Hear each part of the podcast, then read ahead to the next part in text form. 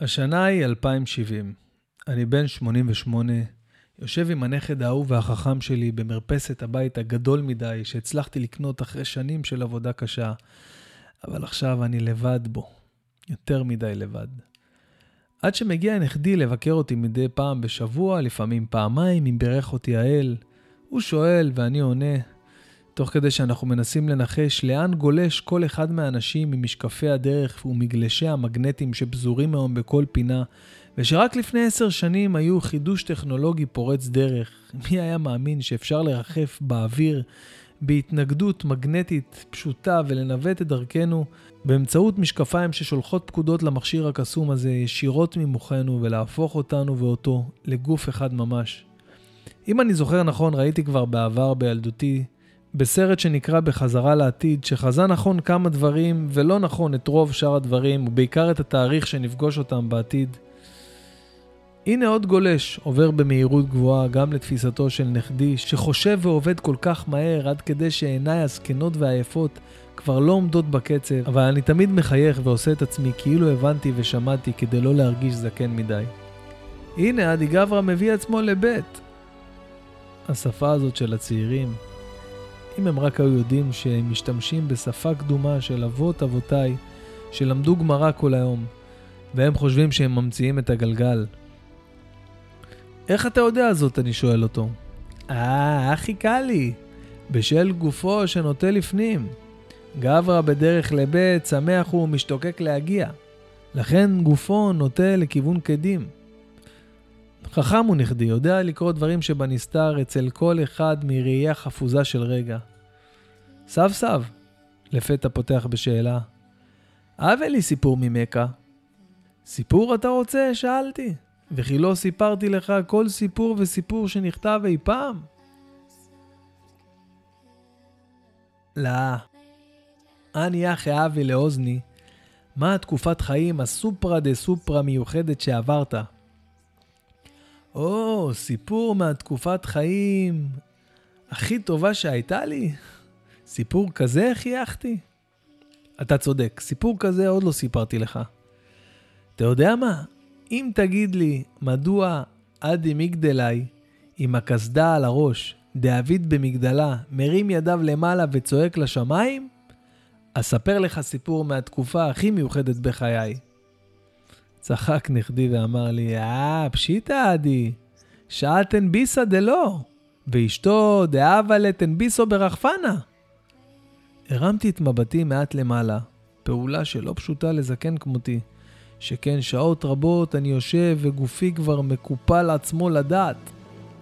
ואכן ראיתי רחפן צהריים ששלחה אשתו ובזרועותיו המשוננות נושאו את ארוחת הצהריים של אותו בונה מגדלים. הצעירים האלה יודעים לראות את כל התמונה כולה. יפה אמרת, נכדי אהוב. שב, שב ואספר לך על התקופה הכי מיוחדת בחיי. השנה היא 2020, שנה שהתחילה יפה וטוב, מלבד אובדן של כדורסלן אחד מאוד מאוד גדול. מה היה שמו? תאונת מסוק. הוא והבת ש... או, קובי, קובי בריאנט. צעקתי בהתרגשות. האסון הזה השפיע על רבים בעולם וביניהם גם עליי. מה שלא ידענו אז כשזה קרה, זה שאסון הרבה יותר גדול הולך להגיע על כל העולם כולו. מגפה נוראה, שטרם ידענו ושעל דומות לה קראנו רק בכתבים עתיקים ושמענו בסיפורי אגדות ותלמודי תנ"ך ישנים.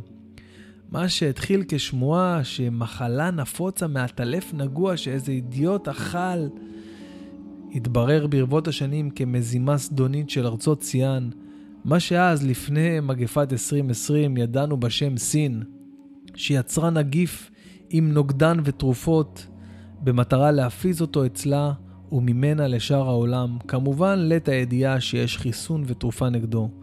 ובזמן שהעולם מתרסק ויהיה עסוק בהתמודדות עם החיידק החדש הזה והלא מוכר, אותה סין כבר תרפא את עצמה ותתחיל בשלב ב' של התוכנית המכוערת ביותר בהיסטוריה של העולם המודרני, להשתלט על העולם כולו. אחרי מוכנות מקדימה שרק מי שהכין את הפגע הזה ידע לצפות מראש, אותה מדינת סין החליטה לייצר, לפתח ולמכור לכל העולם שהתחננו למשאבים רפואיים, לערכות לבדיקת הידבקות בנגיף ומוצרי צריכה בסיסיים שלא יכלו לייצר באופן עצמאי עקב מחסור חמור בכוחות אדם, דבר שלא היה לה קשה מאחר ונערכה אליו שלוש שנים לפני כן, במצבורים, במאגרים ובתוכניות אם מדויקות ומוקפדות לפרטי פרטים.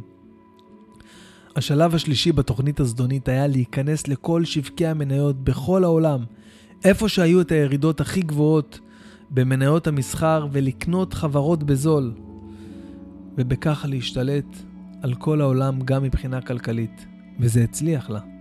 מלבד בעלות בריתה, רוסיה וצפון קוריאה, שהיו אז מדינות ענק עצמאיות, שבהתכוננות משותפת וידועה מראש לא נרשם במחוזותם אפילו לא נדבק אחד במחלה, מאחר וכל אזרחיה חוסנו ללא ידיעתם דרך מאגרי המים הלאומיים כחצי שנה לפני התפשטות הנגיף. כל העולם נחל מפלה שקשה להסביר במילים. ארצות הברית ששלטה אז בעולם התרסקה. היא חוותה משבר גדול מזה שידעה בשנות ה-30 של המאה הקודמת מבחינה כלכלית. החיידק קטל רבבות, חברות התרסקו, הכלכלה צנחה, אנשים יצאו לרחובות ובזזו ועשו ככל העולה על נפשם. וסין שלטה כמעט בכל חברה שנייה בארצות הברית, וכך גם באירופה. רק אחרי עשר שנים הבין העולם מה בדיוק קרה, וזה בזכות ג'יין וואשי, חוקר טיוואני שהצליח לברוח מהמשטר השיאני הקשוח ולפרסם את כל האמת על התוכנית הסינית להשתלטות על כדור הארץ. מה שעד לאותו יום נחשב לתיאוריות קונספירציה מופרכות, התברר כאמת לאמיתה. המידע הזה זיכה את וושי בשם קורומבוס, כלומר הקולומבוס של הקורונה, וכמובן בתהילת עולם. כל העולם הבין את גודל הפשע, וכל המדינות שעדיין ליקקו את פצעיהן התאחדו ותבעו מהאימפריה האסיאנית פיצויים בסכום אסטרונומי שכלל 12 אפסים, או הכרזת מלחמת עולם כוללת עליה.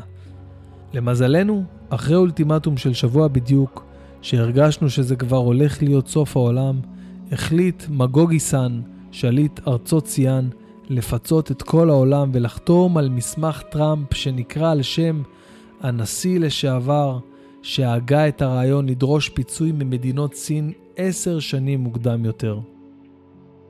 גם אלינו, אל מדינת ישראל הקטנה, הגיע משלוח מצרף החיידקים הארור הזה, שכינו אז בשם קורונה, אבל היום אתה בטח מכיר אותו בשם מגפת 2020, מאיטליה, איטליה שספגה את המכה הקשה ביותר בעולם במגפה. האגדה מספרת שעם פרוץ החיידק, נשלחו אנשי עסקים סינים רבים לנקודות שונות באיטליה על מנת להדביק במוקדים רבים ולגרום למדינה לאבד שליטה וליצור כאוס בגלל איזה חוב פוליטי על שטחים ועסקאות נשק שאף אחד לא הבין בין סין לאיטליה. משהו שהיה אז עניינים של מה בכך בתחילת אותה מאה. וכך היה. ללא הבחנה. שרים, מובילי דעת קהל, שחקני כדורגל, בכולם זה נגע, והביא למספר הקורבנות הגדול בעולם מבחינת אחוזים. אצלנו, אני זוכר שראש הממשלה, אז שעוד הייתה פה כנסת וממשלה, לפני שמדינת ישראל חזרה לשלטון מונרכיה של מלך יחיד, היה נתניהו המלך, או כמו שקראו לו אז, ביבי. ביבי היה ראש הממשלה. הוא דפק לסינים את התוכניות וזכה להיות זה שניצח את הנגיף והציל את העולם. הסינים שלא שבעו מלחמה והמשיכו לכבוש ולכבוש עד שכבר עברו את הזמן שהקציבו להצגת התרופה והחיסון בעולם, נדהמו נוכח הידיעה שמדינת ישראל, הקטנה במדינות העולם, מצאה את הנוגדן, חיסנה וריפאה את כל אזרחיה, ואף התחילה לייצא לכל שאר מדינות העולם לפי הדחיפות כמויות אדירות של מנות חיסון שהיו מבוססות באופן פלאי על המשאב הנזיל ביותר שיש למדינה הקטנה שלנו להציע לעולם, מלח. המרכיב העיקרי בקוקטייל שהציל את העולם ושזכה לשם ביבי קוקטייל היה נתרן. אתה קולט? בן בן. מלח. כל העולם חופר בכל חומר אפשרי שיהרוג את החיידק הזה, ובסוף, מלח. כשראש הממשלה דאז, ביבי נתניהו, הודיע לעולם שיש חיסון ויש תרופה, כל העולם הרים את מדינת ישראל על נס. אותו ביבי זכה בכינוי המשיח, ומאז נקרא בלשון כל העם מלך ישראל. ביבי שעשה הכל כדי לשמור על מדינת ישראל והפעיל את כל הטכנולוגיה שהייתה אז באותה תקופה, ואת כל הכלים שהיו כדי להילחם במגפה בארץ ישראל, סגר את השמיים, עצר את המשק והכניס את כל המדינה לעוצר של כמה שבועות עד שהחולה האחרון הוכרז כבריא, ומדינת ישראל הוכרזה באופן רשמי כקורונה פרי. אותו ביבי הצליח להציל גם את ישראל וגם את העולם. אני באמת מתנצל שאינני זוכר בדיוק כמה זמן זה היה, אבל זה היה כמה שבועות בודדים, ארבעה, חמישה שבועות, עד שאותו מלך ישראל עלה כמדי ערב לשידור מול כל המדינה והכריז, ניצחנו את הקורונה. בטלוויזיה, אחד הכתבים שהיה ניצול שואה ממש, שעוד היו אנשים כאלה ממש בחיים, אמנם בודדים, אבל אנשים שממש היו בשואה, הראה תמונה של מדינת ישראל עם הכיתוב קורונה פרי בגרמנית, ולידה תמונה של מפת מדינות הבלקן עם הכיתוב Judenfrei, התמונה המפורסמת ששלח פרנץ וולטר שטאלקר, אחד המצביעים וה command field של היטלר, שהיה אחראי ישיר על הרג היהודים באסטוניה, לטביה וצפון מזרח פולין, ושביצע את משימתו בשלמות עד היהודי האחרון והרג 220 אלף יהודים. אותו כתב היה ילד באותה תקופה, והוריו נספו באותו מחוז בדיוק, ועכשיו היה גאה להחזיק את השלט קורונה פרי, כשהוא כתב במדינת ישראל שניצלה מהמגפה הנוראה. אני זוכר שאנשים יצאו לרחובות אחרי חודש שלא ראו איש פני רעהו וחגגו. ממש רקדו במעגלים כמו בקום המדינה. מניין הקורבנות במדינת ישראל היה נמוך בצורה משמעותית מבשאר מדינות העולם. אך עדיין, השמחה פה הייתה מעולה בעצב, כי כזהו העם שלנו. אבל עד שזה קרה נכדי, לא היה פשוט בכלל. בתי כנסת ומקוואות סגרו שעריהם לראשונה מקום מדינת ישראל, ואולי מאז מתן תורה במעמד הר סיני. הרחובות היו ריקים מאדם, ואלו שהפרו את הסגר היו חוטפים קנס, או לקח כמו שאתם קוראים לזה היום. בתי ספר, אוניברסיטאות, גני ילדים יצאו לחופשה מאולצת של כמעט חודשיים. והילדים הקטנים כבר שכחו מהי תחושת משק נדנדה. אך הגרוע מכל, הגרוע מכל נכדי היה אותו פסח באותה שנת 2020 העגומה. או, אותו פסח, לעולם לא אשכח. פסח תש"פ, כמו שהכריז אז הרב אליהו, רב העיר בת ים. כרך שהיה אז עצמאי לפני איחוד עם כמה ערים סמוכות לכדי עיר אחת, שאתה בטח מכיר היום בשם מרכזה. אני זוכר אותו דורש ומבטיח לקהל של בודדים שעזרו אומץ לצאת לתפילת החג במניין מצומצם מאוד. אולי שני תריסר מתפללים בהיכל שבימים כתיקונם נהנה מ-700 נשמות הומות קוראות ושרות בהתרגשות את מזמור יאמרו גאולי אדוני אשר גאלה מיצר. בניגון הכל כך מיוחד ופרטי למניין הזה בבית הכנסת המרכזי הנוכחי בעיר בת ים. אני הייתי ביניהם. אני הפחדן באדם, שגם בימים רגילים, חפים ממגפה מדבקת, הייתי חושש תמיד לבריאותי ונלחץ מכל מיחוש ומפרש כל כאב קטן למינימום גידול ממאיר, כאילו אפשר לחשוב מי אני בכלל ועד כמה העולם לא יכול להתקיים בלעדיי. אני זוכר שהלכתי עם צעיף, למרות החום הכבד שעטה את העיר בת ים ביום י"ד בניסן, הלכתי עם צעיף, כי התביישתי ללכת לבית הכנסת עם מסכה כפי שהיה נהוג כבר כמעט חודשיים להסתובב ברחובות, אם בכלל להסתובב. זה פשוט היה נראה לי דיסוננס אדיר. או שאתה מאמין שהבורא מגן עליך ושומר עליך, או שאתה לא בטוח במאה אחוז ואתה צריך מסכת צעיף שתשלים את המלאכה. ישבתי בפינת בית הכנסת, הכי רחוק שאפשר מהאדם האחרון שהכי קרוב אליי. כל דקותיים קמתי, עשיתי סיבוב, כאילו התפללתי במניין במחוז חובי, בו התפרצה המגפה במדינת סין.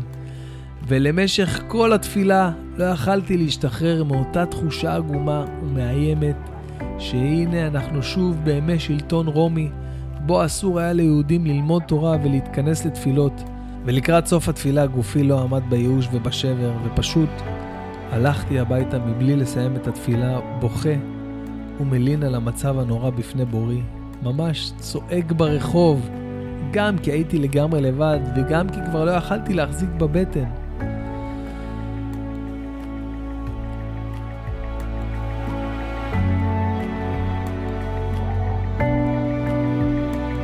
סב סב. סב סב.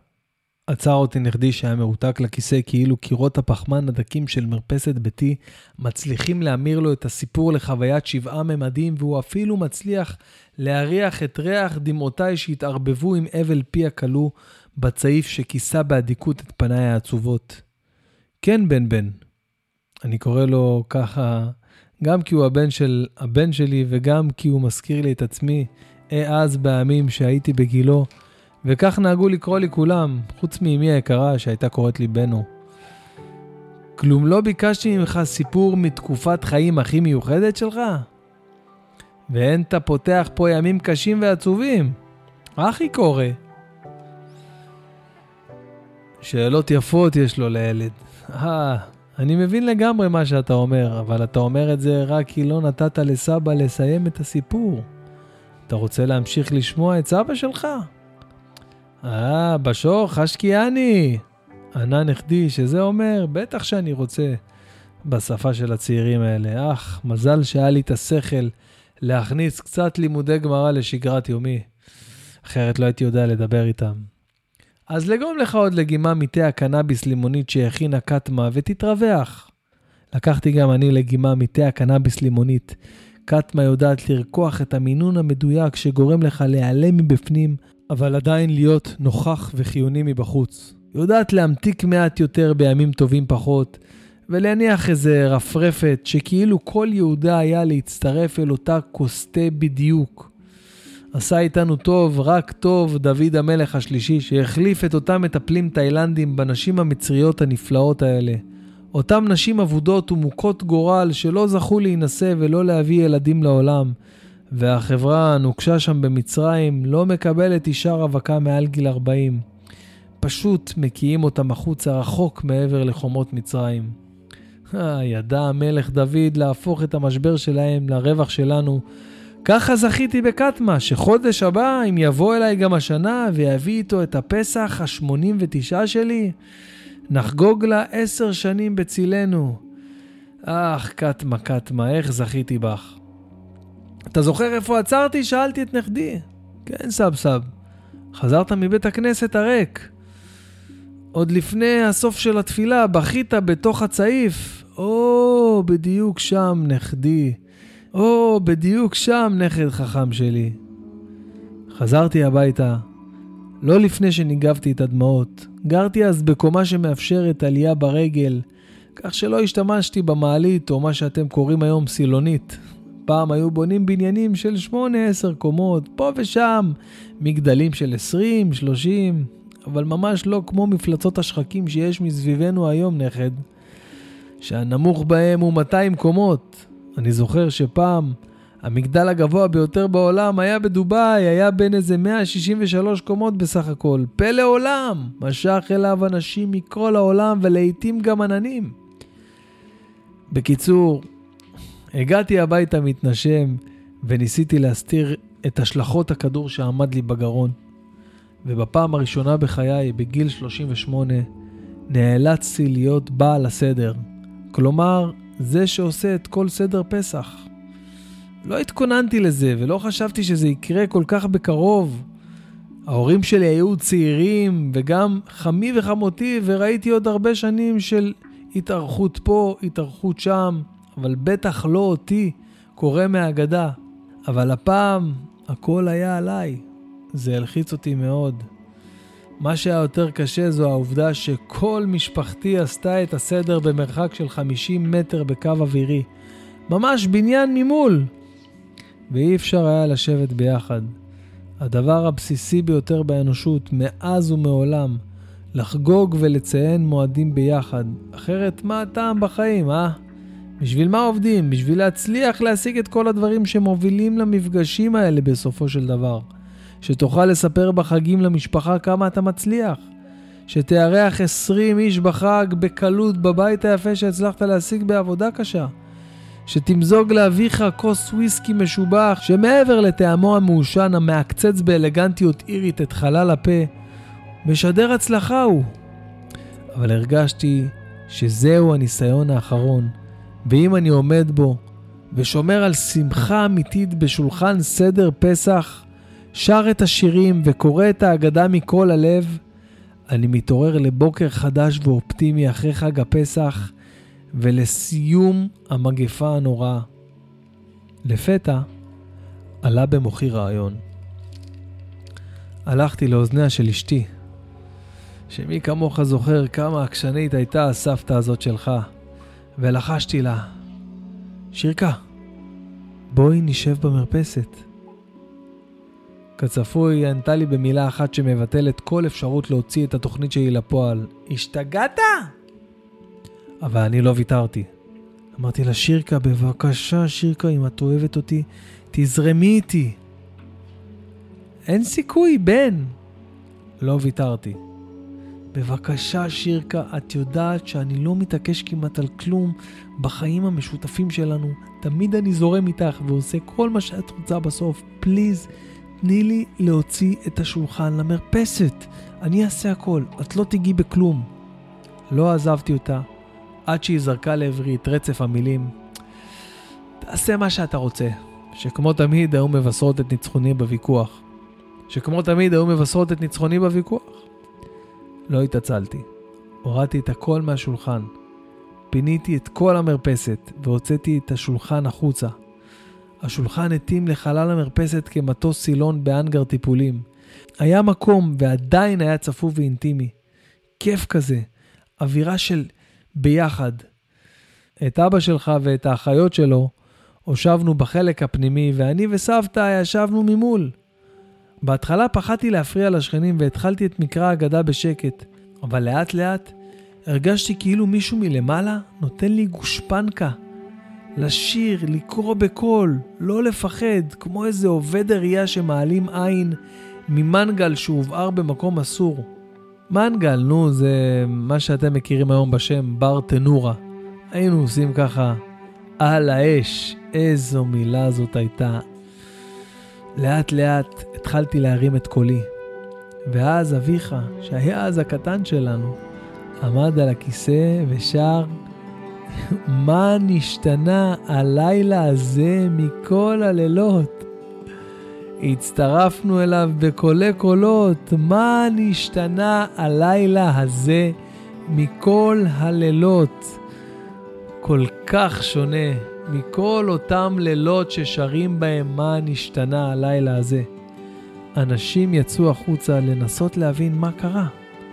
המשכנו לקרוא בהגדה, לשיר בהתלהבות, ואני, שלא אכלתי כלום כל היום כי אני בכור ולא היה לי איפה לעשות סיום מסכת ולצאת ידי חובת סעודת סיום מסכת שדוחה את הצום. לא הרגשתי כלל ברעב, וכמו מי שמצא עצמו בפעם ראשונה במסיבה תחת השפעת סם שמעולם לא ניסה, שרתי וצחקתי והרגשתי נפלא. לפתע הרגשתי מכה ברגלי. חשבתי שאני הוזה, התעלמתי. המשכתי לשיר ולשמוח, ואז שוב, מכה יותר חזקה בשוקית רגלי השמאלית. בן! בן! יצאתי מהטראנס. כמי שהתעורר מחלום טוב מדי בשלב מוקדם מדי. מה, מה, מה, מה, מה קרה? נזעקתי. היא לא דיברה, סבתא שלך, רק סימנה לי במחוות גבות שניכר שלא ראו יד קוסמטיקאית עידן ועידנים. הבנתי שהיא רוצה שאני אסתכל לאחורה. העברתי את המבט מעבר לכתפי, ולפתע ראיתי את רמי ולאה, שגרו בבניין מולנו, בגובה קומתנו בדיוק, מוציאים את שולחן הסדר למרפסת. רמי ולאה, שלא נמנו עם המשפחות המסורתיות דתיות הרבות שהיו מסביבנו, דווקא הם יצאו החוצה ושרו איתנו את השירים מהאגדה. ואני, שעדיין לא הספקתי לעכל את מה שראו עיניי, הזזתי את מבטי מעט שמאלה, וכמו ידעתי בדיוק מה אני הולך לראות, ואכן ראיתי. משפחה שאינני מכיר בבניין הנמוך ממולנו לשמאל. בבניין שלא התברך במרפסות שמש, אבל עדיין בתריסים שנפתחים כאילו אינם קיימים. גם הם הביאו את השולחן למרפסת, והתחילו לשיר ולמחוא כפיים איתנו. לפתע עוד אחד, ועוד אחד, ועוד מרפסת. פתאום אני שומע את ילדיי צועקים, שמעון! מלי! סבתא! אני רואה את הוריי יוצאים החוצה למרפסת להבין מה זה השירים והצעקות. מיד הבנתי מה הולך לקרות. וכמו פטריות אחרי הגשם, כולם יצאו למרפסות, מוציאים את שולחן הסדר למרפסת, עורכים אותו מחדש במהירות, ומתחילים לשיר את ההגדה בקולי קולות בכל השכונה. מה שהיה מדהים זה שהדבר הזה היה מדבק יותר מהמגפה עצמה. אנשים יצאו למרפסות, בבניינים מימין, בבניינים משמאל, בבניין הגבוה ביותר שהיה עם איזה עשרים ומשהו קומות. כולם יצאו החוצה והתחילו לשיר את שירי ההגדה. כמו באיצטדיון הומי אדם, כולם שרו מה נשתנה הלילה הזה מכל הלילות בפזמון שאיננו נגמר. כולנו בכינו, התרגשנו, הרמנו ונופפנו במצות שבידינו, שתינו מכוסות היין, הילדים לא הבינו, אבל הם היו עדים לרגע היסטורי שייכתב עליו ועוד נכתב עליו הרבה. אני הרגשתי כמו שלא הרגשתי מעולם. הרגשתי כמו חלוץ, כמו שליח, כמו מישהו שבא לבשר את הגאולה. ידעתי שמשהו גדול הולך לקרות. בסוף אותו הערב לא נרדמתי לרגע, לא ישנתי כל אותו הלילה. חיכיתי בסלון לאליהו הנביא, עם כוס היין ועם המצה השמורה והאפיקומן שאביך מצא. חיכיתי שייכנס בדלת ויביא איתו את משיח בן דוד ויבשר על הגאולה. אבל זה לא קרה. מה שכן קרה, נכדי היקר, זה שיום למחרת, כמובן היה חג, לא ראינו טלוויזיה, לא שמענו חדשות, אבל כבר בצאת החג ראינו את פניו של ראש הממשלה מבשר שנמצא חיסון למגפה. מתחילים בפיתוח, והסוף, הסוף הטוב הגיע. זה היה סיפור מהתקופה היפה ביותר בחיי, מה שהתחיל כתקופה קשה, תקופה של אי-ודאות, תקופה של חוסר תקווה ו... תקופה שאנשים לא יודעים מה לעשות. לא יודעים אם יהיה אוכל, לא יהיה אוכל, אם נשרוד את היום שיבוא, אם נדבק, אם נרגיש טוב, מה יהיה עם ההורים שלנו, מה יהיה עם סבא וסבתא. תקופה שהייתה כל כך קשה, התבררה כתקופה שהביאה איתה רק טוב. מדינת ישראל הצילה את העולם ועלתה על נס. יחס כל אומות העולם אל המדינה השתנה עד ללא הכר, כלכלה פה פרחה, אנשים חיו בטוב, קנו דירות, יכלו להרגיש רווחה אמיתית. והדבר החשוב ביותר, נכדי, זה שאנשים למדו להכיר את עצמם, וחשוב מזה, את המשפחה שלהם. במשך חודש ושבוע אנשים היו רק עם המשפחה שלהם מבוקר עד לילה, לא יצאו מהבית, אכלו ושתו רק אוכל שהם הכינו בבית, בלי לקנות בחוץ, בלי להזמין, בלי לבזבז. למדו לחיות ולהכיר אחד עם השני. לפעמים הדברים קשים לנו בחיים ואנחנו לא יודעים איך נתמודד איתם ואיך נעבור אותם. אבל אנחנו יצורים קלטנים אנחנו יצורים שיודעים לשרוד, ואנחנו תמיד מוצאים את הדרך. אנחנו תמיד נמצא את הדרך. מה שנראה קשה בהתחלה, לאט לאט מתברר כמשהו שאפשר להסתדר איתו ואפילו אפשר ליהנות ממנו. מגפת 2020 הביאה איתה את אחת התקופות המרגשות שהמדינה הזאת והעולם ידע. הסיפור נגמר בטוב, מדינת ישראל הביאה את החיסון לעולם, והחיידק הזה נשכח מהעולם ולא חזר עד ליום הזה, נכדי היקר. אני מסיים כאן את הסיפור הזה, מאזינים יקרים. תודה רבה לכם שהאזנתם. אני הייתי בן בן ברוך, אני רוצה להגיד לכם שבפודקאסט שלי אני גם מספר סיפורים וגם פותח קצת דברים אישיים מהבית, קצת דברים על עצמי. אני נמצא פה באמת אחרי שלושה שבועות שלא יצאתי מהבית. אה, לא כי אני בבידוד ולא כי אסרו, סתם כי אני מפחד. וגם אני וגם המשפחה שלי בבית שלושה שבועות רצוף, וחג הפסח עדיין לפנינו, ואנחנו מקווים שיהיו ניסים ואולי לא נצטרך לחגוג את חג הפסח לבד.